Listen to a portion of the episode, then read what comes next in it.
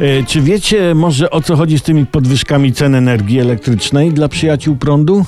Nie, myślałem, że mi powiecie, bo ja też nie za bardzo wiem. No bo sprawa jest dość skomplikowana, bo jeden minister powiedział, że będą podwyżki, premier powiedział, że nie, to minister też powiedział, że nie, no dużego pola manewru chłop nie miał, nie? Pierwotnie miały być rekompensaty za podwyżki, no bo koncepcja była taka, że podnosimy ceny energii, żeby spółki energetyczne miały pieniądze na rekompensaty dla odbiorców dotkniętych pożyczkami. Koncepcja w zasadzie nie miała luk poza jedną, była pułapką logiczną, sztatkującą rozum.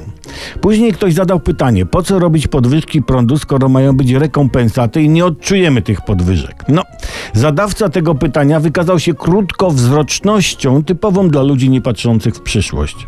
Rekompensaty mają być, ale tylko w roku wyborczym. Po wyborach rekompensat nie będzie. Znaczy, pieniążki na rekompensaty są tak naprawdę przeznaczone na zakup głosów.